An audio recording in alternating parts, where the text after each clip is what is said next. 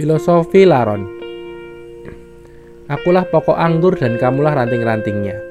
Barang siapa tinggal di dalam aku dan aku di dalam dia, ia berbuah banyak. Sebab di luar aku kamu tidak dapat berbuat apa-apa. Yohanes pasal 15 ayat kelima. Bacaan Yohanes pasal 15 ayat 1 hingga 8. Ketika musim penghujan tiba, binatang ini kerap muncul berterbangan di sekitar rumah kita. Binatang ini begitu menyukai cahaya.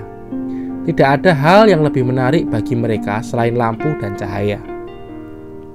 Jika kita berusaha untuk menghentikan mereka, tetap saja mereka akan berusaha sekuat tenaga untuk berkeliaran di sekitar lampu rumah kita.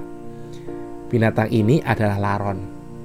Laron merupakan salah satu binatang yang unik. Mereka mungkin hanya memiliki masa hidup tidak lebih dari satu hari. Namun, meskipun hidup mereka begitu singkat, dari mereka kita bisa belajar banyak hal. Salah satunya adalah selalu ingin dekat dengan terang, apa pun resiko yang harus mereka hadapi. Kita sebagai orang percaya diperintahkan oleh Tuhan untuk menjadi terang atau berbuah. Namun, sering kali kita lupa bahwa kita harus terlebih dahulu hidup dekat dengan terang, yaitu Yesus Kristus.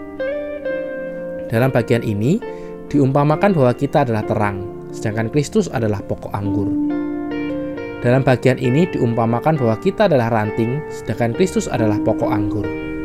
Kita tidak dapat berbuat apa-apa, apalagi menjadi terang, jika kita tidak menempel atau tinggal dekat dengannya.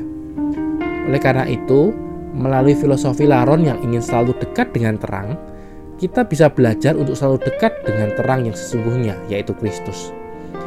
Jika kita ingin menerangi banyak orang, pastikan bahwa kita telah terlebih dahulu tinggal dekat dengannya. Isilah terlebih dahulu bahkan isilah terlebih dahulu bahan bakar Anda pada Kristus agar Anda bisa menerangi orang lain.